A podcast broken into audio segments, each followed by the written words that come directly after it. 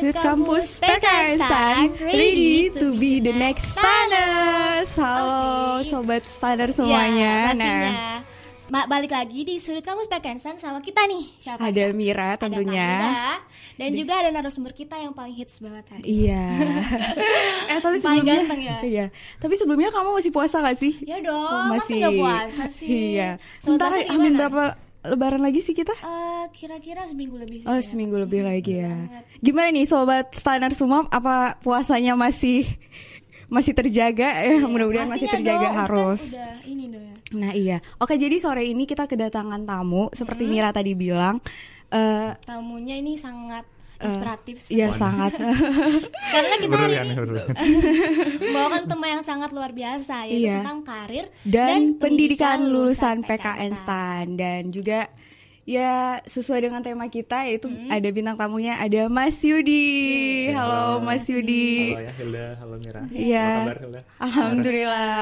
Mas Yudi gimana Mas? Alhamdulillah, lancar ya puasa ya. Alhamdulillah lancar. Ya. Eh, Oke. Nah, Bapak ini merupakan bagian dari kepegawaian PKN STAN. mm-mm, benar Betul banget. sekali. Berarti dulu alumni STAN juga Mas? Iya betul. Jadi eh, saya masuk stand tahun 2007 ya. Oh 2007. Ketahuan ya langsung umurnya. Jadi lulus D3 tahun 2010 dan eh, ya sekarang saya menjadi salah satu staff di bagian SDM di STAN. Oke. Ya. Oke, itu diploma satu, diploma tiga. Di- diploma tiga. Oh tiga. Ya. Jurusan Akuntansi. oh akuntansi. Oke. Oke. Itu tadi dari narasumber kita. Nah sesuai dengan ini kayaknya judul kita apa tadi Mir? Karir dan, Dan- pendidikan. Dan lulusan Iya, gitu ya. Oke. Nah kalau misalkan bicara mengenai lulusan nih Mas ya, Hmm. ketika kita anak stan itu lulus dan Hmm. nextnya itu pasti kita bakalan nunggu tentang info penempatan Hmm. pastinya. Tapi yang sedikit menariknya Hmm. mengenai tentang penempatan di stan itu dua tahun belakangan itu itu kita ada melibatkan 26 kementerian gitu ya. Ah, Ah, Iya ah. betul. Nah, itu apakah ada tujuan tertentu gitu dari untuk menempatkan mahasiswa-mahasiswi PKN STAN ini Hmm. di 26 kementerian tersebut? Oke, jadi uh, betul sekali ya uh, tahun kemarin ya. Oh iya, tahun kemarin, tahun 26. kemarin 2018 kita lulusan kita ditempatkan tidak hanya di Kementerian Keuangan Hmm. tapi ada di 25 kementerian lain. Jadi totalnya ada di 26 Oh, kementerian. Nah, uh, ini sebenarnya uh, permintaan lulusan PKN STAN untuk ditempatkan di instansi-instansi lain baik itu kementerian maupun lembaga itu sebenarnya udah dari beberapa tahun yang lalu ya karena mereka melihat lulusan STAN yang memiliki kualitas yang tidak tidak dipertanyakan lagi gitu ya Tidak diragukan tidak lagi diragukan ya. lagi gitu ya Uh, punya kualitas yang bagus berkinerja juga bagus berintegritas jadi uh, banyak sekali instansi-instansi yang minta lulusan STAN untuk Hmm. bergabung uh, dengan mereka dan menjadi pengelola uh, keuangan di instansi-instansi mereka nah um, di sisi lain uh, Bu Menteri Keuangan kita Hmm, tercinta Bu, ya iya. Ibu SMI juga uh, memberikan arahan kalau ya uh, kalau bisa STAN itu nggak cuman melayani Kementerian Keuangan saja ya. Kalau bisa kita juga menjadi supplier SDM SDM yang berkualitas uh, untuk be- berbagai kementerian maupun lembaga lain. Sehingga harapannya uh, pengelolaan keuangan di kementerian lain juga bisa menjadi lebih baik gitu karena uh, alumni-alumni kita juga nantinya akan ditempatkan di bagian-bagian keuangan, bagian-bagian pengelola keuangan Hmm, gitu. jauh Harapannya kalau menurut saya pribadi sih kalau dari kacamata makro, sudut pandang makro mungkin uh, ya sepakat ya dengan Bu Menteri. Uh, harapannya nanti ke depannya juga semakin banyak kementerian ke- maupun lembaga yang menjadi lebih baik, tapi di sisi lain dari sudut pandang mahasiswa mungkin ya pasti ada selalu pro kontra ya, Iya, pasti ada pasti. selalu yang setuju, ada yang nggak setuju, setuju gitu ya. Ah, ini bagaimana kita menyikapi, ini masih menjadi PR buat kita. Nah, ah, tapi percayalah ya teman-teman yang standar Iya. maupun yang calon standar nanti ah, di mana pun kalian ditempatkan ya, insya Allah itu kalian bisa menjadi berprestasi, bisa berkinerja dengan baik, bisa berkontribusi untuk Indonesia dan masyarakat masyarakat yang lebih luas seperti itu ya. Betul Betul banget. Tapi dari data dari tahun 2017 sama Hmm. 2018 itu kan kementeriannya itu meningkat ya. Mm-mm, Uh, ada kemungkinan nggak tiap tahun itu bakalan nambah Oh, lagi iya. kementeriannya? Betul. Kalau jumlah kementeriannya eh, kita sih sebenarnya dari stan tidak tahu secara pasti Hmm. karena yang menangani tentang penempatan pegawai, penempatan lulusan itu ada di Sekretariat Jenderal Oh, ya di Biro. SDM. Nah, itu dari sana yang eh, menerima permintaan-permintaan dari instansi-instansi Hmm. lain, kemudian yang menyetujui apakah permintaannya ini dikasih apa enggak itu juga Hmm, dari sana. benar-benar. Nah, jumlahnya semakin uh, dari 2017 ke 18 memang uh, lebih banyak ya, tapi uh, kita nggak bisa memastikan di 2019 ini lebih banyak lagi atau, Atau lebih sedikit berkurang. karena ya tergantung permintaan juga ya, tergantung yang minta sama yang ini menyetujui apa enggak gitu ya. Oke. Jadi gitu dia. Iya, Jadi belum tahu ya buat 2019, 2020 itu kementeriannya bakal nambah atau berkurang. Pokoknya Iya. kita harus siap aja gitu. Siap ya. aja Iya. karena kan tujuan kita emang Iya. pertama di sini bersedia ditempatkan di Betul, mana iya. saja. Udah tanda tangan ini Udah. kan? Nah, Dan nah nih Pak, apa sih kan di Pekansan ini ada prodi D1, kemudian Hmm. D3. Nah, apa perbedaan dari D1 dan D3 itu apa sih, Pak? kalau perbedaan setelah nanti lulus Ya, atau bi- mungkin secara umum. gitu. secara umum. kalau dari selama pendidikan yang pasti eh, lama pendidikannya berbeda ya satu tahun untuk D1 untuk D3-nya tiga tahun nanti setelah lulus eh, masuk di instansi pemerintahan baik itu Kementerian Keuangan maupun kementerian lain eh, untuk yang D1 masuk di golongan 2A Dua. ya 2A sedangkan untuk yang uh, D3 itu masuk ke golongan 2C. Nah, 2A ke 2C itu kalau secara normal naik secara normal itu perlu sekitar 8 tahun lah. Jadi 2A ke 2B 4 iya tahun, sih, 2B ke iya. 2C 4 tahun lagi gitu. Jadi totalnya kalau normal 4 tahun. Ya, kecuali kalau misalkan uh, teman-teman yang dari D1 nanti melanjutkan tugas tugas, belajar. belajar ya, nanti bisa lebih cepat gitu ya. Ya mengenai tadi singgung mengenai tentang tugas belajar nih udah kita singgung Hmm. tentang tugas belajar. Jadi gimana sih prosedur supaya kita tuh bisa ikut tugas belajar dan Hmm. ada ada lagi saya pernah dengar kalau misalkan ada bedanya itu izin belajar. Oh ya. Ha-ha. Jadi itu beda sebenarnya apa sama sih tugas belajar Tugas sama izin? belajar sama Ah, izin kalau misalnya beda bedanya itu di mana? Oh ya. Jadi beda ya kalau izin belajar itu kita mengajukan izin untuk sekolah di luar jam kerja. Jadi yes. eh, kita siangnya kerja, malamnya kuliah, Kuliah. gitu. Nah untuk yang izin belajar, eh sorry untuk yang Itu tugas, tugas belajar, belajar. itu eh, kita dibebas tugaskan dari kantor, kemudian ikut seleksi tugas belajar, eh, sehingga nanti dari kantor membebas membebas tugaskan, ditugaskan untuk belajar di, Di- kampus ya di stan atau di kampus lain. Nah Hmm. untuk yang lulusan D1 itu bisa mengambil tugas belajar D3 alih program ya di kita uh, ada D3 alih program untuk akuntansi maupun pajak ya. Sedangkan untuk lulusan D3 uh, diploma 3 itu tugas belajarnya hanya ada D4 akuntansi saja. Nah, nanti setelah selesai uh, D4 tugas belajarnya bisa melanjutkan lagi ke jenjang S2, S3 sampai dengan S3.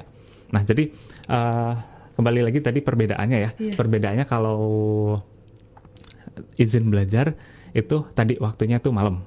Nah, kalau yang tugas belajar kan siang ya, karena nggak kerja di kantor. Nah, sedangkan uh, dari segi biaya, biaya perkuliahannya, kalau untuk uh, izin belajar ditanggung oleh masing-masing yang bersangkutan ya. Mahasiswa ya. Kalau ya masing-masing mahasiswa. Kalau untuk yang tugas belajar itu Dibiayai. dibiayai oleh pemerintah gitu ya. Jadi uh, tapi tugas belajar itu kalian harus lulus dulu ya, harus Iya lulus dong. dulu baru bisa ngambil tugas belajar di situ. Nanti banyak banget pilihannya. Apalagi kalau misalkan kalian D3 atau Iya, iya, D3. D3. Nah, nanti kan lulus D3 masuk nih 2C ya. 2C masuk ke kantor untuk bisa melanjutkan perkuliahan itu karena kita insan dari pemerintahan ya, pasti ada apa namanya? Aturan-aturan yang harus kita ikuti benar. ya.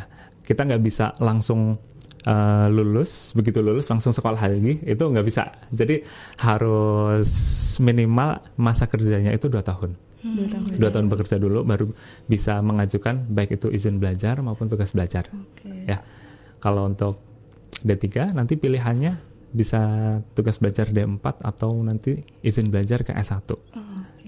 ya.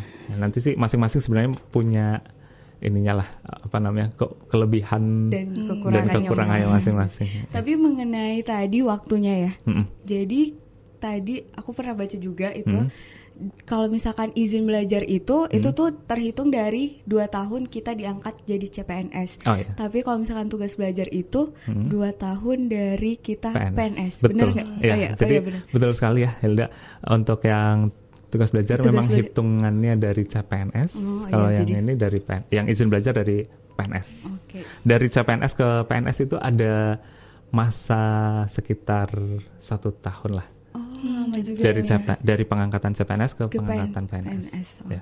Tapi kalau buat prosedurnya tuh buat kita Hmm. bisa diterima, oh iya ini kita diizinkan nih dapat Hmm. izin dari kantor. Hmm. Itu sama nggak buat kita izin dari mau izin belajar Hmm. sama tugas belajar? Kalau Cara izinnya gitu, izinnya, ah. ya.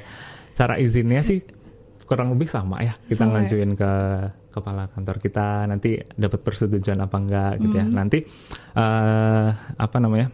Kalau izin belajar maupun tugas belajar nanti kita kan akan mengajukan program studi yang akan kita pilih Ambil ambil, gitu ya akan kita ambil. Nah, program studi yang akan kita ambil itu eh, harus mendukung pekerjaan kita. Ya jadi Hmm. harus mendukung tugas dan fungsinya kantor kemudian harus mendukung eh, pekerjaan kita sehari-hari sehingga kita nggak bisa seenaknya tuh pilih. misalnya eh, program studi A yang itu sama sekali Iya, nggak kepake ada gitu. kepake Ah, gitu ya, nah, itu nggak bisa. Hmm, jadi nanti prosedurnya sih sama ya ngajuin selama disetujui nanti kita bisa ambil kalau buat Luar. Mas Yudi sendiri nih, kemarin itu tugas belajar berarti? Ya, Atau jadi izin? saya eh, kemarin kan lulus D3 2010, Hmm. kemudian eh, saya dapat kesempatan untuk D4.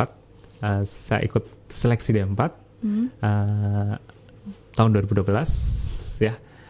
Mulai kuliah 2013 dan langsung keterima tuh ya berarti. ya alhamdulillah langsung dapat. Sekali coba langsung masuk ya. Alhamdulillah waktu itu langsung dapat. Jadi 2015 eh, lulus D4 ya, lulus D4.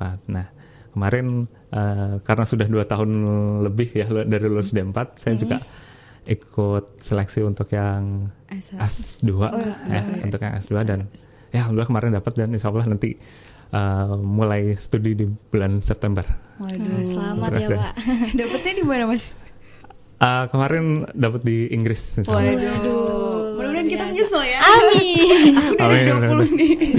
Bisa lanjut ya. Mbak. ya mungkin ini bisa uh, buat motivasi teman-teman semua ya karena uh, buat saya pribadi ya kuliah di stan itu benar-benar membuka kesempatan membuka peluang-peluang besar yang Iya, benar sebenarnya eh, sebelumnya tuh saya nggak pernah kepikiran jadi ketika lulus SMA saya uh, pengen kuliah dan saat itu karena saya apa namanya eh, dari keluarga yang sederhana ya. Jadi saya gimana caranya bisa masuk ke kampus yang eh, nggak bayar gitu ya. Nggak bayar. Jadi kan di stan itu kan tidak ada sama sekali biaya pendidikan. Nah dari situ kesempatan-kesempatan lain yang lebih besar itu terbuka gitu ya terbuka. Saya nggak pernah nggak pernah sebelumnya kepikiran untuk ngambil S2 dulu waktu SMA ya paling kan S1 gitu ya. Tapi te- eh, begitu masuk stan begitu bekerja di Kementerian Keuangan gitu ya. eh, rasanya tuh sayang kalau nggak sekolah lagi. Eh, apalagi banyak di banyak sekali banyak sekali beasiswa. peluang-peluangnya, banyak sekali bahas, beasiswanya Hmm. sehingga dari situ ya saya harus eh, banyak yang sudah bisa, Bisa. dan Kenapa kita enggak gitu ya? Nah, jadinya Oh, eh, dari situ saya terpacu ya akhirnya ya alhamdulillah bisa dapet di Inggris. ya. Inggris gitu. Aduh. Keren, keren, keren. Inspiratif. Pengen juga ya Iya. sebenarnya. Ah, bisa mudahan ya, insya Allah bisa lah. Ya. Nah. Selanjutnya nih Mir, apa? Benar nggak sih Pak kalau misalnya kita ditempatkan di kementerian lembaga, kita harus mempelajari spesialisasi KL tersebut gitu Pak? Oh ya, kalau eh, ya tadi kan kita lulusan STAN itu ada penempatannya banyak-banyak tuh, Iya. ya nggak cuma di Kemenku. Jadi eh, tenang aja ya teman-teman yang nantinya ditempatkan di instansi lain itu eh, kita nggak harus belajar eh, kompetensi teknisnya mereka, ya, karena kita semua eh, diminta ke sana itu karena biar bantu pengelolaan keuangannya. Jadi eh, kita di sana itu mau eh, sebagian besar itu mau ditempatkan di bagian keuangan. Ya, jadi eh, untuk yang masuk ke Kemenkes mungkin ya Iya. itu nggak nggak nggak harus belajar belajar ini sehat, ya, perawatan ya. Suntik-suntik ah, nggak nggak perlu. Jadi eh, skill yang kalian skill knowledge yang kalian miliki itu menjadi bekal untuk masuk ke dunia kerja eh, di mana pun ya di mana pun kalian ditempatkan. Nah, kalau anak-anak stan itu eh, dikenal sebagai mahasiswa yang lulusan yang versatile ya versatile Hmm, artinya bisa ditempatkan dengan pekerjaan apa saja lah Oh, gitu iya, ya benar, benar. dengan pekerjaan apa saja insya Allah dengan kualitas yang kalian miliki Hmm. ya bisa lah eh, di mana pun insya Allah bisa berkinerja dengan baik bakalan tumbuh iya ya. Bakalan oke. Nah, di Kementerian Keuangan itu kan Kak eh Hmm. Mas maksudnya. ada 11 eselon 1 gitu. Ah. Terus PKN itu di bawah eselon mana sih? tuh Iya. di Hmm. bawah dari 11 itu kira-kira kita di bawah naungan siapa itu? Ya, jadi eh, kita itu Pekansan itu bertanggung jawab kepada Menteri Keuangan melalui BPPK, Badan Pendidikan dan Pelatihan Dan Keuangan. Ya, jadi eh, secara struktur saat ini kita masih di bawah BPPK itu. Nah, di bawah BPPK itu tadi eh, selain STAN itu ada Pusdiklat atau Pusat Pendidikan dan Pelatihan. Eh, ada Pusdiklat Pusdiklat yang sama-sama di bawah BPPK. Cuman bedanya Pusdiklat ini menangani pendidikan dan pelatihannya pegawai, sedangkan kita yang mahasiswa. ya. Sekarang posisinya masih di situ. Cuman ke depan ya kita belum tahu ya arah kebijakannya seperti apa. Apakah masih tetap sama atau berubah? Itu masih sangat dinamis gitu ya. Oke, gitu. Tadi kita menyinggung tentang BPPK. iya, Jadi BPPK. BPPK itu merupakan salah satu eselon 1 Betul. dari 11 eselon di Kementerian Keuangan. Iya, betul sekali. Nah, kita mungkin mau ngasih tahu buat sobat sanar semua, itu tuh 11 eselon tuh apa gitu kan. Iya, mungkin pada benar-benar. bingung. Mungkin sebenarnya mereka tuh udah pernah dengar dari Tapi, 11 ini iya. tapi nggak tahu kalau misalkan itu Itu termasuk eselon, dari iya, eselon 1. benar Boleh dibacain tuh Mira. Yang pertama ada Yang Asia. pertama ada Sekretariat Jenderal yang mana yang mana tugasnya Hmm. itu merupakan koordinasi pelaksanaan tugas, pembinaan dan pemberian dukungan administrasi kepada seluruh unsur organisasi di lingkungan Kemenq. Dan Nah, yang selanjutnya yang kedua itu ada Itjen nih biasanya atau Inspektorat Jenderal. Jadi kalau misalkan buat Itjen itu itu tuh yang ngawasi internal di lingkungan Kementerian Keuangan. Dan selanjutnya itu ada Direktorat Jenderal Anggaran. Kalau misalkan Direktorat Jenderal Anggaran ini dia tuh kayak kalau kata dosen aku kayak ibu nih yang ngurusin Iya. uang kita Iya, semua. benar. Dan juga ada juga nih yang mungkin yang sangat familiar Benar kalau ketika bicarain tentang stan ini Hmm. ini nih Nah, yang- ini. ini masternya nih. Master. Itu ada Direktorat Jenderal Pajak. Mm. Iya, Oke. dia melaksanakan yang memungut pajak juga melakukan perumus perumusan-perumusan terkait undang-undang perpajakan di negara kita. dan juga ada Direktorat Jenderal Bea dan Cukai yang dalam perumusan dan pelaksanaan kebijakan pelayanan dan optimalisasi penerimaan negara di bidang kepabeanan dan cukai. Kemudian yang selanjutnya ada Direktorat Jenderal Perbendaharaan yang tugasnya merupakan perumusan dan pelaksanaan kebijakan di bidang pelaksanaan anggaran, pengelolaan kas dan investasi, pembinaan pengelolaan keuangan badan layanan umum dan pelaporan keuangan pemerintah. Nah, benar banget. Dan tadi udah berapa sih? Udah enam ya? Mm, nah, selanjutnya itu ada Direktorat Jenderal Kekayaan Negara. Nah, ini nih yang ngatur barang-barang milik negara nih dan juga yang ngelola piutang negara, juga terkait dengan lelang kita. Terus juga ada Direktorat Jenderal Perimbangan Keuangan. Jadi dia yang ngurusin terkait transfer dana kita ke daerah, tentang pajak, pokoknya tentang retribusi daerah juga. Dan yang selanjutnya ada Direktorat Jenderal Pengelolaan dan Pembiayaan Resiko, yang mana tugasnya itu melaksanakan kebijakan di bidang pengelolaan pinjaman, hibah, surat berharga negara, dan resiko keuangan. Kemudian selanjutnya ada Badan Kebijakan Fiskal nih, yang yang ngurusi tentang fiskal-fiskal gitu ya Iya. kan kak? Kayak, Ini lebih ke makro sih, ya nggak sih? Betul. Katanya kalau misalkan mau masuk BKF harus kuat di makro ya. Dan yang terakhir Nah ini itu tadi yang dari BPK. disebutin sama Mas Ya. Yudi yaitu ada BPPK di mana stan itu di bawah naungan dari BPPK. Betul. Kalau Mas Yudi sendiri itu penempatannya pertama kali di mana? Ah, kalau saya dari awal penempatan sampai sekarang masih Oh masih di sini. Oh. Jadi Oke. eh, dulu sih nggak kepikiran ya masuk ke BPPK, tapi begitu masuk stan ternyata enak karena bisa ketemu mahasiswa mahasiswa kayak jiwanya tuh merasa Masih muda, muda ya. padahal udah tua. Nggak masih muda kok tadi dipanggil kakak sama. Oh. nah, itu Ya. dia tadi. Jadi kita udah bicarain eselon, terus juga kita nih tentang balik lagi nih ke kampus kita. Mhm.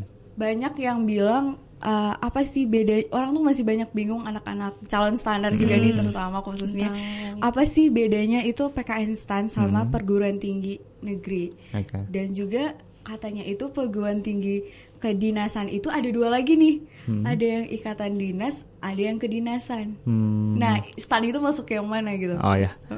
Ya, sebenarnya sih kalau kita bicara dari segi peraturan gitu ya, kita eh, istilahnya tuh perguruan tinggi di bawah kementerian lembaga lain. Artinya eh, perguruan tinggi itu kan eh, secara umum itu di bawah Kemenristek Dikti. Iya. Tapi ada perguruan tinggi perguruan tinggi yang secara struktur organisasi itu nggak di bawah Kemenristek Dikti seperti uh, PKN STAN di bawah Kementerian Keuangan, kemudian ada STMKG di bawah BMG, BMKG gitu ya. Nah itu uh, dari segi struktur kita berbeda ya. Uh, kita di bawah kementerian lembaga yang teknis, bukan di Kemenristek. Kemudian uh, karena kita di bawah KL teknis, maka dari segi kurikulum juga berbeda dengan perguruan tinggi perguruan tinggi lainnya ya karena kita menyediakan SDM untuk pengelola keuangan negara seperti itu maka kurikulum kita juga disesuaikan disesuaikan lebih bersifat teknis dan lebih bersifat terapan karena Iya. kita juga diploma. vokasi ya vokasi. diploma. Sehingga eh, di sini yang kalian pelajari juga berbeda dengan Iya, yang di luar. Misalnya eh, pajak. Misalnya pajak ya. Yang belajar pajak di sini itu yang dipelajari itu dari sudut pandang fiskusnya.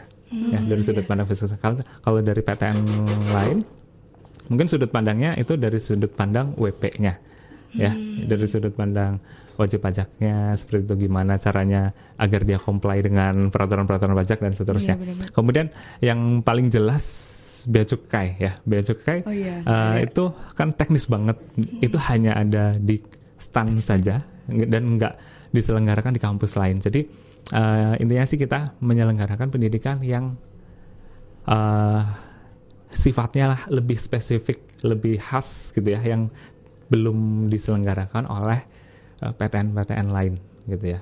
gitu Begitu juga untuk akuntansi, walaupun di luaran ada akuntansi, tapi kita punya kekhasan sendiri akuntansinya. Di situ ada muatan-muatan tentang pengelolaan keuangan negaranya seperti apa gitu, akuntansi pemerintahannya gitu. Jadi ada perbedaannya. ya katanya juga kalau PTN tuh kayak lebih ke teorinya ya kalau kita kayak lebih ke lah realnya iya ya. betul jadi Karena harapannya kita, kita, langsung turun langsung ya. turun ke sana udah harapannya sih bisa langsung eh, siap bekerja gitu ya Hmm, makanya tadi ditempatkan di berbagai kementerian ya. Iya betul Nah juga ini terkait dengan tadi penempatan. Hmm. Sebenarnya ini pertanyaan mungkin yang dari semua pertanyaan yang paling nomor satu ditanyakan sama kita sebagai mahasiswa ya.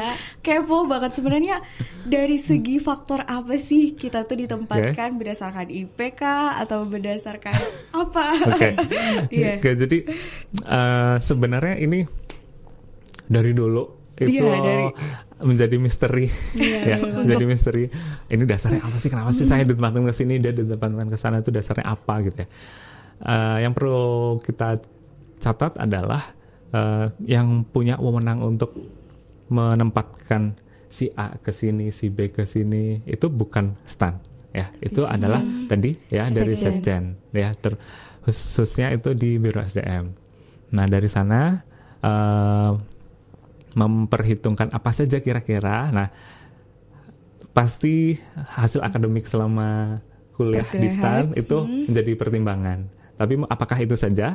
Eh, nah, kalian kemarin kan dimintai apa namanya pendamping surat keterangan pendamping ijazah ya atau yang Oh, isinya iya. itu kegiatan-kegiatan Iya, iya, non SK. akademik SKPM ya. SKPM. Nah itu juga harapannya bisa menjadi bahan pertimbangan lain dalam menempatkan eh, mahas- calon lulusan nanti ke instansi mana. Harapannya bisa si A yang punya bakat A atau Bisa. skill A itu bisa ditempatkan di instansi yang sesuai dengan eh, apa yang dia miliki gitu ya. Cuman sebenarnya apakah IP itu menjadi dasar yang utama atau kegiatan-kegiatan non akademis itu menjadi yang utama atau seperti apa? Nah, itu sendiri kita juga tidak bisa menjawab secara pasti ya, tidak bisa menjawab secara pasti karena kebijakannya ada di sana. Nah, yang jelas eh, mahasiswa-mahasiswa yang IP-nya tinggi, rendah dan sedang kan nggak mungkin yang tinggi, Oh, tinggi di, di sini. semua, sedang di sini semua itu nggak mungkin ya. Jadi eh, dicampur lah ya, dicampur, gitu ya, disebar gitu ya.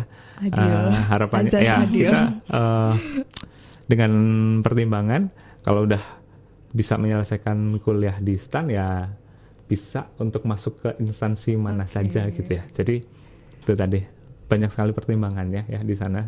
Nggak cuman IP, nggak cuman nanti mungkin hasil SK. SKPM ya. Ah, itu. Karena ya itu yang diperdebatkan sama mahasiswa. Eh, kating aku di IP-nya segini tapi dapat penempatan di sini. Eh, enggak, IP-nya yang rendah bisa di sini. Jadi kita kayak jadi itulah. Ya nggak ada patokan nggak yang ada patokannya Mm, ya. betul. dan PKN STAN juga nggak tahu karena hasilnya itu kita tahu dari, dari sekjennya sekjen, ya. langsung. Cuman yang di sini yang saya pesan sih untuk teman-teman yang stan yang nanti lulus gitu ya, di mana pun ya kalian ditempatkan, nanti walaupun ada sebagian kalian yang mungkin sesuai dengan uh, Passion, ya. sesuai dengan harapan, tapi ada juga mungkin sebagian yang nggak sesuai. Nah dari situ uh, saya yakin ya di mana pun kalian ditempatkan itu saya yakin itu yang terbaik gitu ya. Itu sudah digariskan lah Iya, ibaratnya gitu ya. Jujur saja ya jujur saja dulu waktu pertama kali penempatan.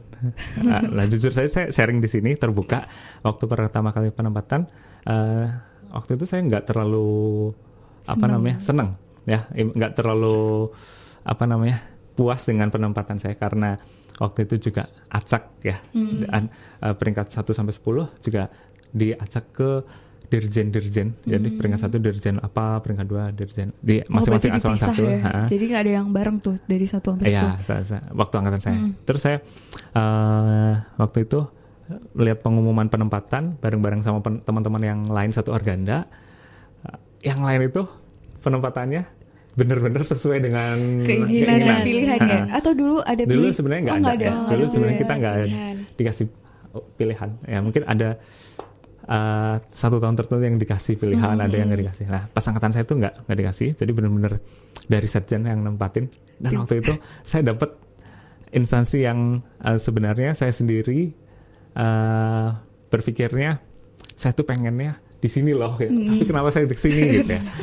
Waktu itu ya mungkin karena masih muda ya mungkin ya masih ada kecewa terus ah ini saya harus cepat-cepat keluar nih gitu. Pasti ada kepikiran kayak gitu. Cuman eh, karena kita kan sebenarnya nggak tahu ya apa yang kita butuh apa yang kita inginkan itu nggak selalu apa yang kita butuhkan Terbaik buat kita juga. nah jadi eh, orang tua saya selalu berpesan ya udah coba dijalani Jalani. dulu. Siapa tahu kalau memang kamu itu jalannya di sana rezekinya di sana kamu betah di sana kan kita nggak tahu. Nah. akhirnya ya udah tapi dulu masih ngotot nih pokoknya saya ya udah saya kerja di sana tapi nanti sekian tahun lagi. tahun lagi keluar gitu ya jujur ya kayak gitu ya. cuman ternyata begitu ditempatkan semuanya berubah Waduh. ya semuanya berubah ketika bekerja masuk ke dunia kerja itu eh, pikiran-pikiran itu hilang ya dari pikiran saya dan kalau ditanya sekarang mau pindah apa enggak kalau Enggak. bisa saya nggak pengen pindah kalau bisa saya nggak Tetap pengen pindah di stay di Iya, betul. Stan ya. Iya, kalau boleh milih ya boleh. Boleh. Mudah-mudahan boleh milih ya mas. Jadi sebenarnya Pak hal yang kita pikirkan itu negatif nggak belum tentu negatif gitu ya kan betul sekali betul sekali Betul sobat. Jadi besok buat kakak tingkat kita Mm. mungkin yang ditempatkan harapan. Iya. Beda harapan dari ke- kenyataannya gitu kan. Jangan mungkin di balik itu ada yang harus kita pelajari Ah. lagi Betul. bener kayak Mas ini malah jatuh cinta ya. Jadi Iya. makanya jangan membenci sesuatu tuh Betul. secara Iya, berlebihan. betul ya. sekali. Saya setuju. Karena saya udah ngalamin sendiri gitu Iya ya. kan? Ngalamin sendiri. Ini cerita real misalkan gitu loh. keta- kalau ngeliat flashback tuh kayak ketawa kok dulu bisa ya kayak gini. jadi malu sendiri Iya, malu gitu ya. sendiri. Hal yang dibenci jadi malah hal yang disukai. Ah, Iya, Oke. jadi itu juga selalu saya sampaikan ke kelas saya di s- kalau misalkan ngajar di kelas juga selalu tekankan lah mahasiswa itu jangan terlalu itu tadi kamu bilang ya, jangan terlalu membenci Benci. jangan terlalu berlebihan. Karena itu yang kena sendiri justru kita sendiri ya. Iya, benar ke sini. Jadi ya tetap semangat lah kalau misalkan sekarang ada teman-teman yang kemarin baru penempatan yang belum bisa menerima ya mungkin itu berproses ya nanti Iya, saya yakin semakin hari akan bisa menjadi lebih baik lah gitu. Oke, kecewa bo- kecewa boleh tapi ya jangan terlalu Betul. lama. Mm-mm. Setuju. Karena juga kita sebagai manusia gitu wajar lah kalau Iya. sedih ya Ah, kan. aja. Nah, eh Stanis nih banyak bertanya nih Pak terkait isu ganti rugi. Hmm. Nah itu gimana Pak? Kalau Ganti misalnya, rugi? Heeh. Wah eh, ganti rugi Mungkin ganti ruginya ini eh, ini kali ya. Kalau misalkan tadi kan kita Hmm. misalnya karena karena ada isu katanya kalau misalkan kita Hmm. Kan ada yang ditempatkan nggak di Kementerian Mm-mm. Keuangan, tapi besoknya dia mau di Kementerian Keuangan lagi Oke. katanya tuh ada ganti rugi atau apa segala macam gitu. ya. Jadi karena di kita kan biaya pendidikannya ditanggung oleh pemerintah.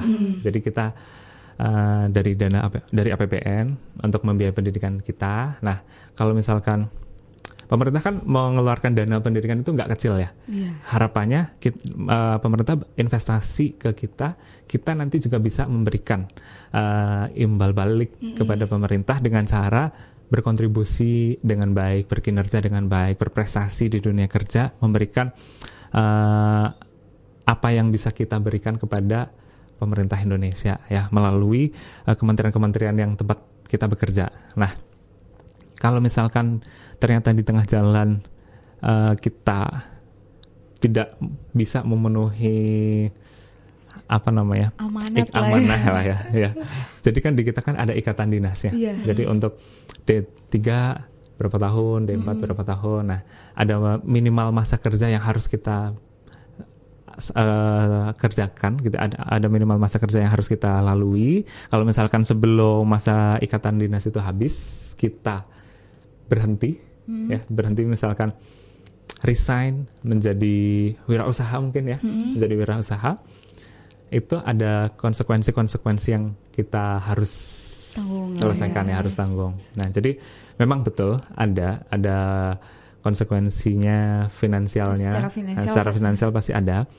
Uh, cuman uh, harapannya sih ketika seseorang itu keluar ya itu mendapatkan tempat yang lebih bagus ya artinya ada alumni alumni yang keluar cuman di luar itu juga dia berkontribusi lebih besar uh, untuk masyarakat luas jadi ada adik kelas saya ya mungkin berapa tahun ya? dua tahun ya sekitar dua tahun atau tiga tahun di bawah saya itu udah keluar dari PNS gitu ya. Dulu dia penempatannya di BPPK juga. Kemudian karena dia uh, berwirausaha, akhirnya dia keluar. Tapi dia uh, ini bertanggung jawab. Dia juga ganti rugi. Sebenarnya kan ada ada yang keluar-keluar saja kan juga pas ada ya. Cuman saya harap nggak seperti itu ya.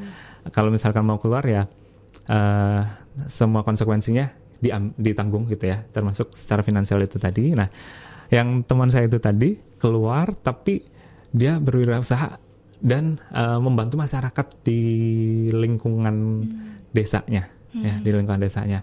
Dan sekarang uh, dia mempekerjakan sekitar 250 orang.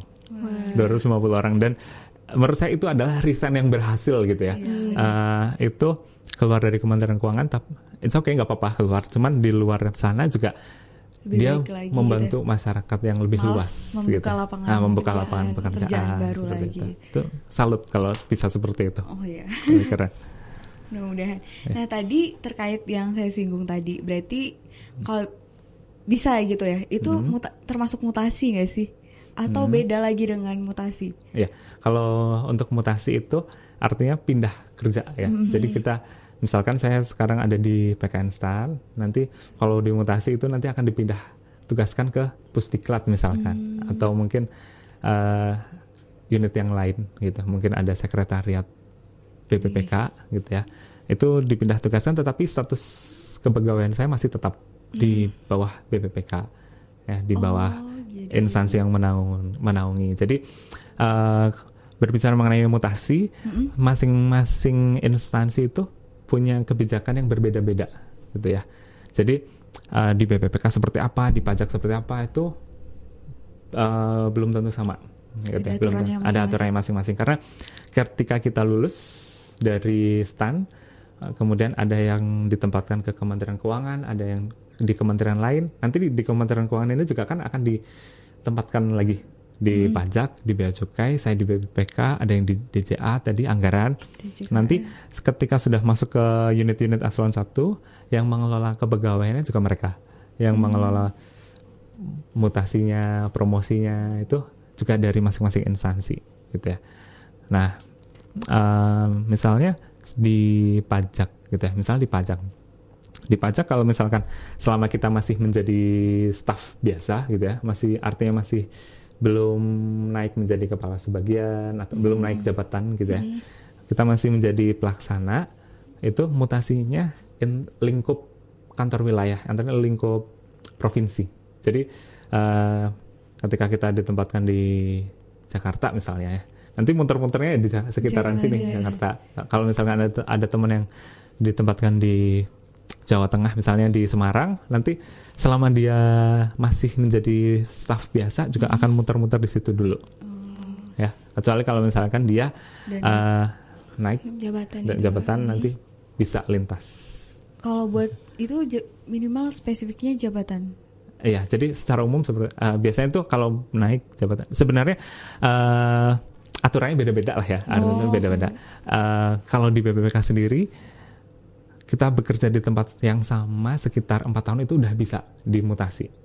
Udah bisa dimutasi belum tentu dimutasi ya. Iya. Jadi eh, nanti sudah ibarat tuh masuk kotak on- bahwa si pegawai ini sudah eh, siap, ibaratnya sudah bisa dimutasi karena masa kerjanya di tempat yang sama Udah memenuhi udah syarat lah memenuhi ya. syarat. Nah, harapannya sih biar nggak jenuh ya dengan pekerjaan yang sama gitu ya. Itu itu saja. Itu kan nanti kalau misalkan kita jenuh, kinerja kita juga pasti akan turun gitu. Iya. Harapannya dengan dipindahkan ke tempat lain itu menjadi lebih refresh gitu ya. Nah, jadi eh, kembali lagi untuk mutasi itu eh, kebijakan di setiap unit eselon 1 itu berbeda ya, berbeda-beda. Ada instansi-instansi yang hanya ada di pusat ya, Iya, seperti Sekretariat Jenderal, Inspektorat. Jenderal, Dirjen Anggaran itu ya udah di Jakarta terus gitu ya, Iya, nggak nggak pindah-pindah. pindah-pindah. di situ mutasinya paling beda lantai gitu, beda lantai. Tapi untuk instansi yang besar seperti pajak, bea cukai, BPPK itu juga nanti lintas Daerah. provinsi seperti itu. Tapi bisa juga nggak sih kalau misalkan kita sendiri yang ngajuin mutasi atau Hmm. yang katanya misalnya ada ist- misal satu suami istri nih Hmm, kan ada banyak yang di kementerian Mhm. terus mau ngikut suaminya itu masuk apa sih Iya, mutasi jadi- atau gimana? Bisa ya mutasinya uh, bisa berdasarkan permintaan yang bersangkutan. Hmm. Nah, cuman kalau yang namanya minta kan nggak selalu dikasih. Dikasih. Nah, jadi uh, ada beberapa pegawai yang mengajukan perpindahan tugas karena sudah menikah Mm-mm. dan uh, is- suaminya atau istrinya itu di tempat lain, terus uh, mengajukan ke daerah yang berdekatan, gitu ya, berdekatan itu bisa. Dan prosesnya seperti apa, lamanya se- selama apa gitu ya, itu juga beda-beda. Beda-beda. Ah, Tergantung gitu. tergantung unitnya. Nah, em, bahkan untuk yang lintas eselon 1 juga memungkinkan gitu ya. Hmm. Artinya yang tadinya di BPPK mau pindah ke Dirjen Kekayaan Negara, ada beberapa yang pindah ke Dirjen Kekayaan Negara karena ikut suami ya. Itu bisa dimungkinkan gitu ya. Selama syaratnya adalah instansi asal mau melepas, instansi instansi yang yang mau ini juga mau, Mau menerima, menerima. gitu ya. Kalau misalkan udah seperti itu boleh pindah. Boleh. Cuman dalam prakteknya eh, nggak semudah itu gitu ya, nggak semudah itu prosesnya. Oh. Semudah eh, membalikan cuk- telapak ya, cukup lah. Kadang di instansi yang lama mau ngelepas, di sana nggak mau nerima atau sebaliknya di instansi yang lama yang nahan gitu. Jadi ya kasus kasusnya itu beda-beda ya. Tapi berarti banyak dong yang mau pindah-pindah. Be- kalau Kalau- dibilang banyak atau enggak sih, eh, saya nggak tahu persis. Cuman kalau eh, dari teman-teman saya ada beberapa, ada beberapa yang pindah bahkan lintas eselon satu itu tadi. Ada yang dari setjen terus pindah ke eh, dirjen perbendaharaan karena ikut suaminya. Terus ada yang dari PPPK pindah ke DJKN itu tadi juga ada beberapa gitu ya. Ada yang dari PPPK ke Setjen juga ada gitu ya. Jadi macam-macam. Jadi eh, ketika kalian ditempatkan di eselon 1A nggak eh, bukan berarti kalian selamanya di situ gitu ya. Nanti ke depannya bisa lintas eselon 1. Bahkan lintas kementerian juga mungkin gitu ya. Dia mungkin. Oke, gitu tadi. Nah, selain tadi kan Tadi kita udah bahas mutasi. mutasi itu Ya. eh, supaya pegawainya tuh nggak jenuh. Iya, iya, Hmm. benar banget. Jadi karena nggak jenuh itu Kinerja Se- kita lebih baik gitu ya, benar diharapkannya. banget. Tapi selama Mas udah menjadi ASN nih, Ya. Hmm. Apa sih suka dukanya gitu? Iya. mungkin eh, para calon standar nih yang mau masuk mungkin kepo nih apa sih Oh, suka dukanya selama Suka ah, menjadi ASN. terutama di Kemenq. Kementerian Ya, ASN di Kalau yang saya alami sih sukanya hampir semuanya suka ya. Iya. Kayaknya nggak ada nggak ada duka ya mungkin uh, paling ya kecil kalau sukanya ya pasti kita bisa langsung kalau begitu lulus langsung bekerja itu pasti, Pasti, senang ya. iya. kita nggak pusing-pusing mencari pekerjaan kita sudah uh, langsung ditempatkan di instansi pemerintahan. Itu pasti dari awal penempatan udah senang terus uh, begitu masuk dunia kerja uh, kalau misalkan kita bisa bekerja sesuai dengan passion itu pasti seneng ya. Itu pasti seneng. Nah uh, ada beberapa instansi yang sangat concern dengan uh, hobinya si pegawai. Seperti bea cukai misalnya ya. Dirjen di direktorat jenderal Bea bea cukai. Itu uh, instansinya itu sangat mendukung uh, kegemarannya pegawai terutama yang terkait dengan seni budaya sama olahraga. Ya jadi itu mereka tuh sangat mendukung. Jadi dari kantornya itu eh, apa namanya memfasilitasi memfasilitasi Karyawannya. dengan mengadakan apa namanya event-event yang berhubungan dengan Dunia olahraga, seni. dunia seni olahraga dan sehingga mereka juga kerjanya itu semangat gitu ya Oh, iya. karena itu semangat jadi eh, di situ mereka akan berkinerja lebih bagus nah kalau yang saya alami sih saya senang karena tem- di yang pasti di PKN Stan itu banyak senangnya daripada nggak senangnya karena kita tadi ya lingkungannya itu lingkungan mahasiswa, Mahasiswa. lingkungannya tuh nyaman untuk tinggal di sini gitu mungkin di sini zona nyaman kali ya Oh, nyaman. mungkin nggak mungkin juga banyak tem- teman-teman yang dari unit lain mungkin pengen juga ya bekerja di stan terus kalau dukanya sih ah apa ya nggak ada Hampir nggak ada mungkin. ya. Kalau yang saya alami sih hampir nggak ada ya. Ah, mungkin kalau ber- bentrok dengan teman, dengan atasan, ber apa berseberangan pendapat Hmm. itu kan eh, normal ya, normal. Itu di mana-mana kayaknya terjadi gitu ya. Nggak cuma di instansi pemerintah, saya yakin di, di luaran sana juga seperti itu ya. Tapi ada mungkin ada beberapa teman yang ekstrim gitu ya ketemu atasan yang galak gitu Iya, sehingga dia nggak betah ya tapi itu satu dua secara umum sih lebih banyak sukanya daripada Banyak dukanya suka. Jadi tuh, jadi ASN di Kementerian Keuangan itu lebih banyak sukanya. jadi jangan ragu-ragu lagi ya Hmm, buat buat- calon iya, standar bener buat banget. masuk ke PKN Style. Dan tadi tema kita itu kita kayaknya lebih fokus ke karir ya. Hmm. Iya karir. Sekarang kita mungkin tadi karir dan lulusan dan pen- apa sih tema kita? Karir dan pendidikan. Oh, dan pendidikan. Nah sekarang kita mau bahas pendidikannya nih. Iya. Ah.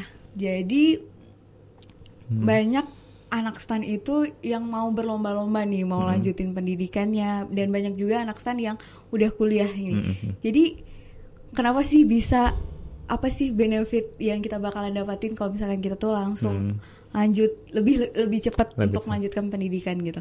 Oke, ya jadi ketika kita udah masuk dunia kerja itu sayang kalau misalkan kita tuh berhenti di situ pendidikannya. Jadi banyak orang tuh pengen lanjut sekolah itu karena dia satu ya pengen mengembangkan uh, sebagai pengembangan dirinya dia pribadi. Di sisi lain juga dia membantu organisasi karena uh, pendidikan yang dia ambil kan juga melalui persetujuan dari kantornya sehingga harapannya nanti setelah dia selesai nanti nanti kembali lagi itu bisa lebih berkontribusi lagi ya. Bisa membantu uh, memberikan sumbangan-sumbangan strategi yang lebih Maksimal besar ya. Jadi uh, yang mendapatkan benefit itu nggak cuman dari pegawainya tapi juga dari instansinya ya.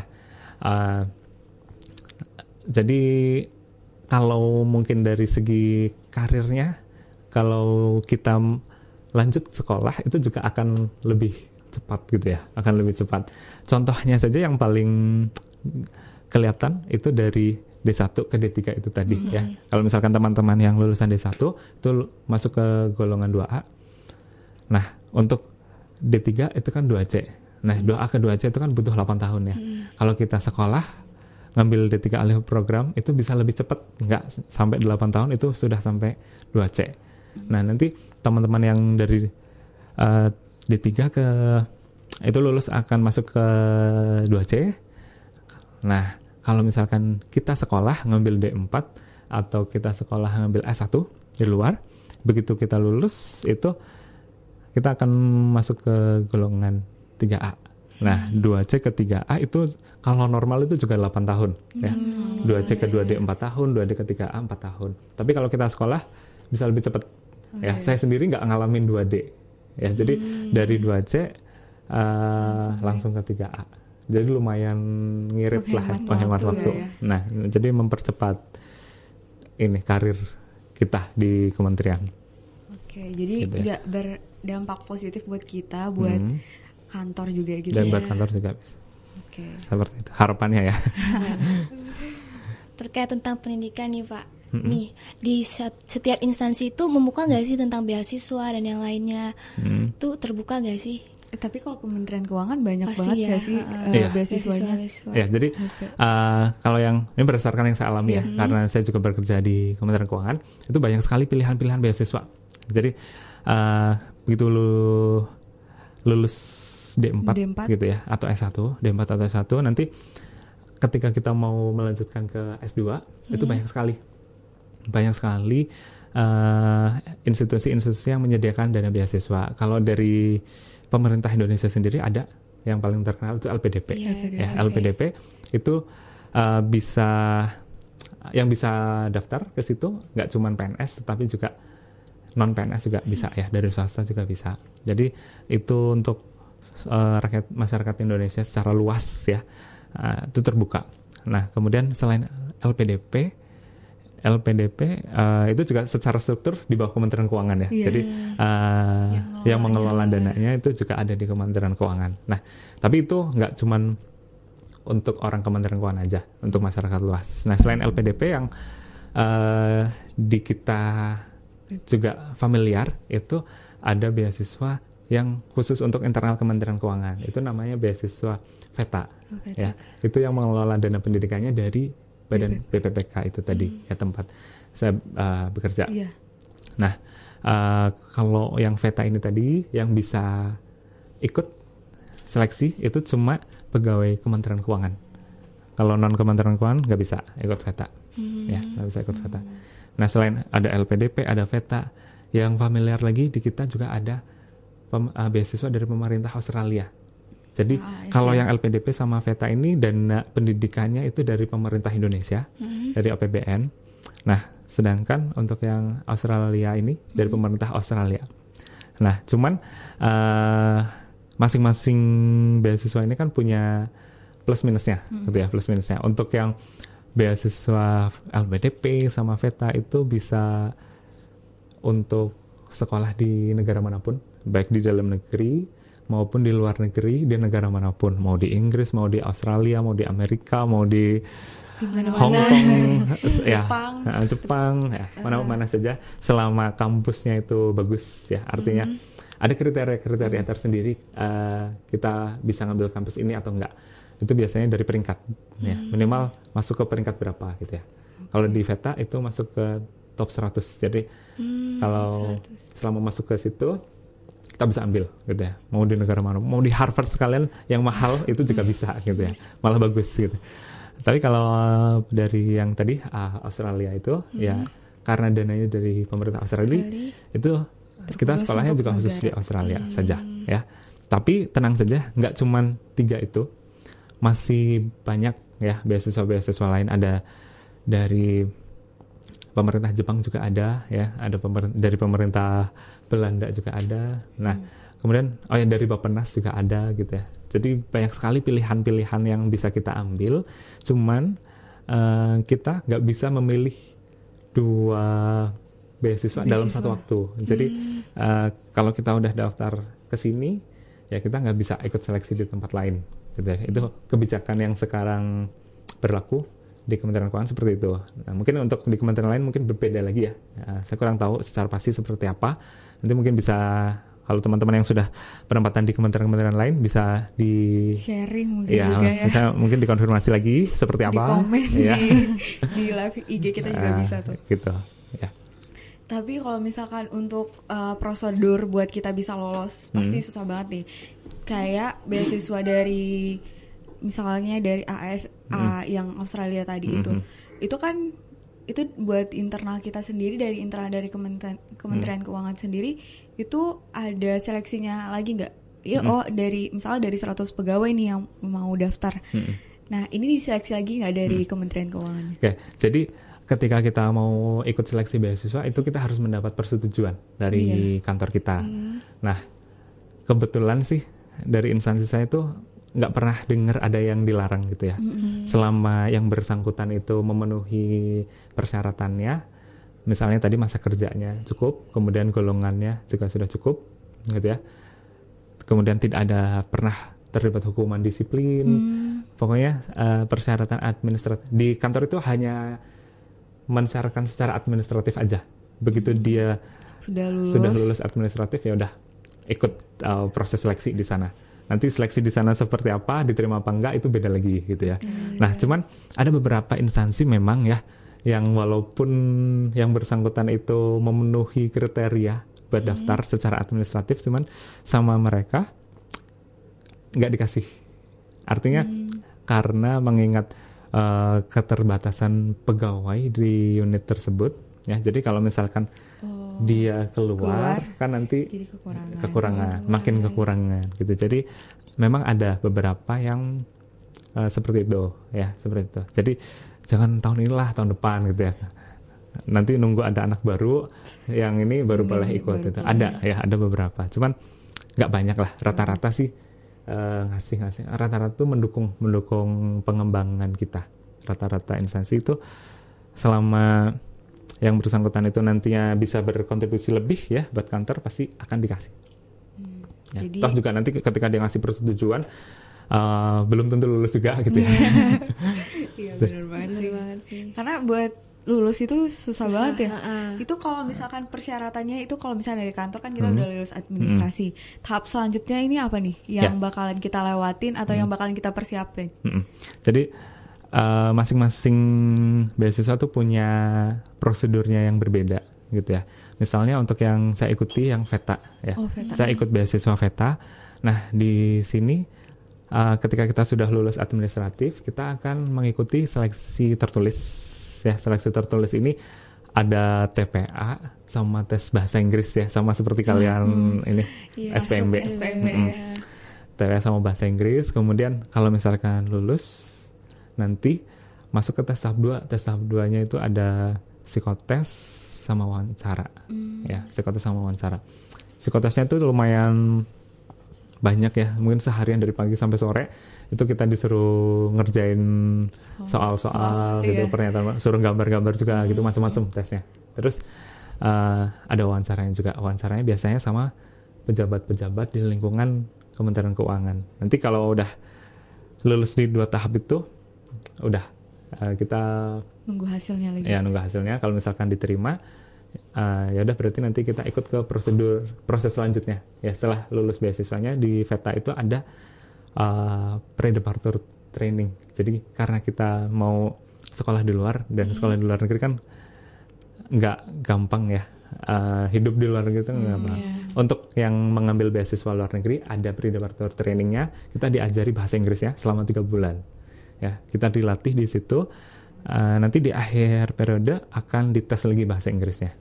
Ya, dites lagi. Cuman itu untuk yang luar negeri. Tapi kalau untuk yang dalam negeri sih nggak nggak ada ya. Karena di, di dalam negeri uh, kebanyakan nanti sekolahnya ada di UI atau UGM atau ITB gitu ya. Uh, itu nggak ada pre-departure ya pre-departure pre-departure-nya itu untuk yang luar negeri tadi Kalau misalkan kita udah ikut pre-departure tadi, Hah? terus ada nggak sih yang nggak lolos? Nggak lolos.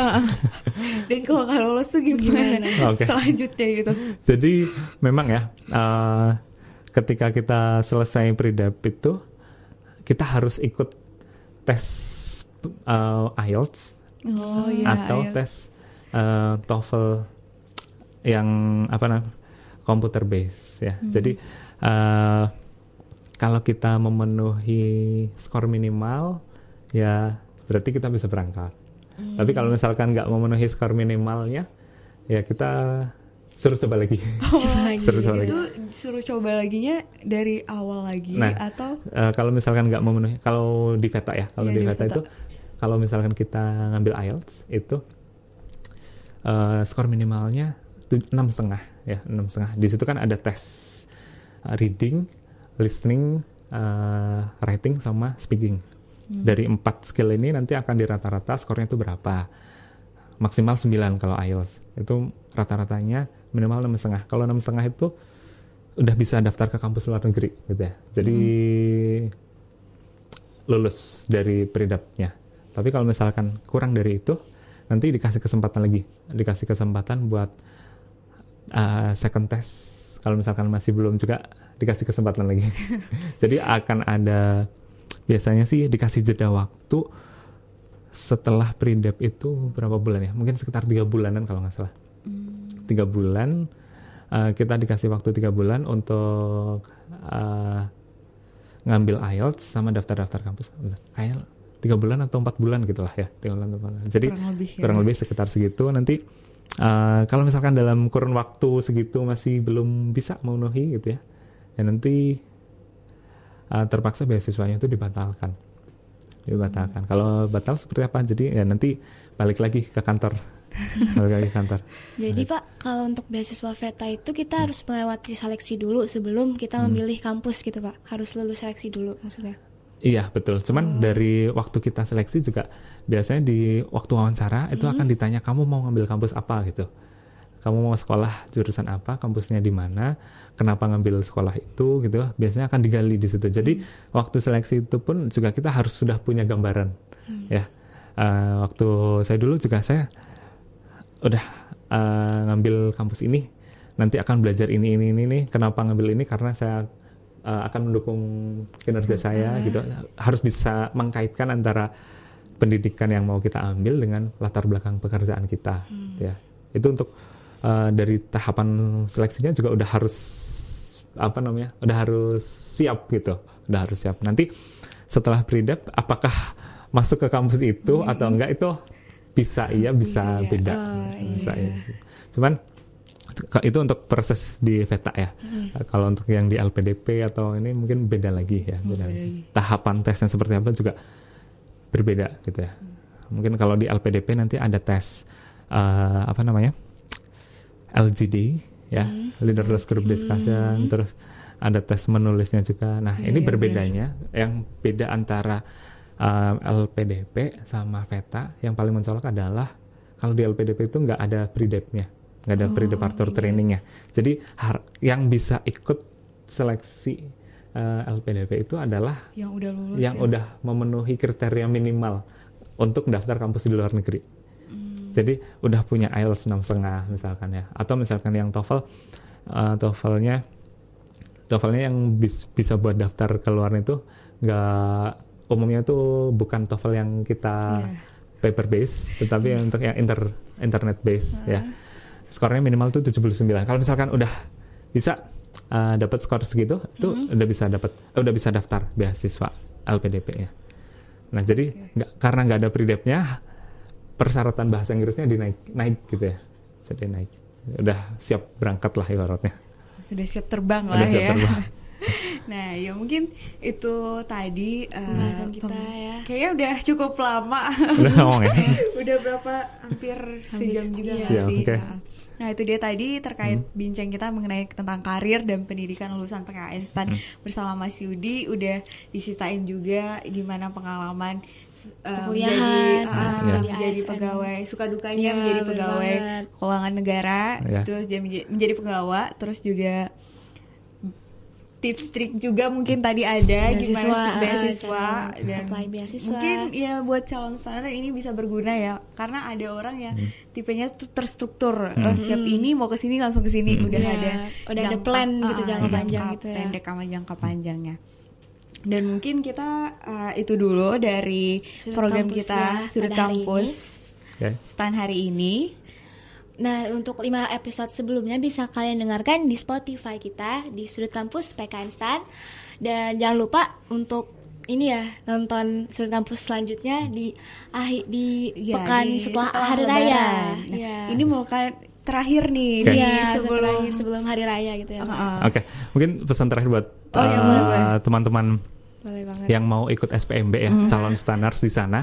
Jadi uh, terus berusaha belajar berdoa ya, be persistent ya, karena nggak mudah ngalahin orang yang pantang menyerah. Begitu kal- kalian ngerasa ikut tryout gagal, ikut tryout gagal, it's okay nggak apa-apa. Tapi uh, coba terus belajar terus karena dulu waktu saya ikut S SEPMB STAN itu juga saya ikut dua kali tryout dan dua-duanya gagal. Tapi dari situ saya belajar. Dari situ saya belajar gimana caranya bisa di real testnya nanti bisa masuk gitu ya. Berhasil Jadi gitu ya, Pak. motivasi di- memotivasi kita. Jadi teman-teman semua uh, never give up karena it's not easy to beat someone who never give up. Jadi Iya. terus berjuang gitu ya. luar biasa. Menarik banget ya, nggak mudah buat ngalahin orang yang pantang, Pantang menyerah. menyerah. Betul. Aduh. Ya. Itu dia tadi pesan dari, Dari Mas Yudi. Mudah-mudahan juga buat calon standarnya kita bisa bertemu di kampus ini Pastinya. dan tetap kalian ini ya eh, terus latihan-latihan soal Hmm. kan. Nah itu aja mungkin Mohon maaf lahir dan batin. karena ini program Iya, terakhir kita ya. Oh, ini terakhir sebelum lebaran ya? Iya. Sebelum lebaran, nanti ketemu lagi setelah lebaran. Oke, ya. Dengan tema ujian tahap pertama SPMB PKN STAN. Oke, dan juga kita bakalan live juga di IG PKN Stan juga dan di YouTube PKN Stan dan di channel radio kita di radioblast.online.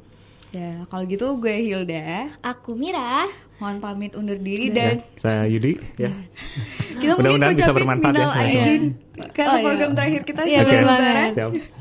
Oke. Satu, satu, dua, tiga. Minal aizin wal mohon maaf lahir dan batin. batin. Oke, mungkin sekian dulu sudut kampus PKN STAN pada sore hari ini. Sudut, aku- sudut kampus PKN STAN, ready, to be the next stanners. See you soon. Setelah ku mencoba Hadapi mimpi dengan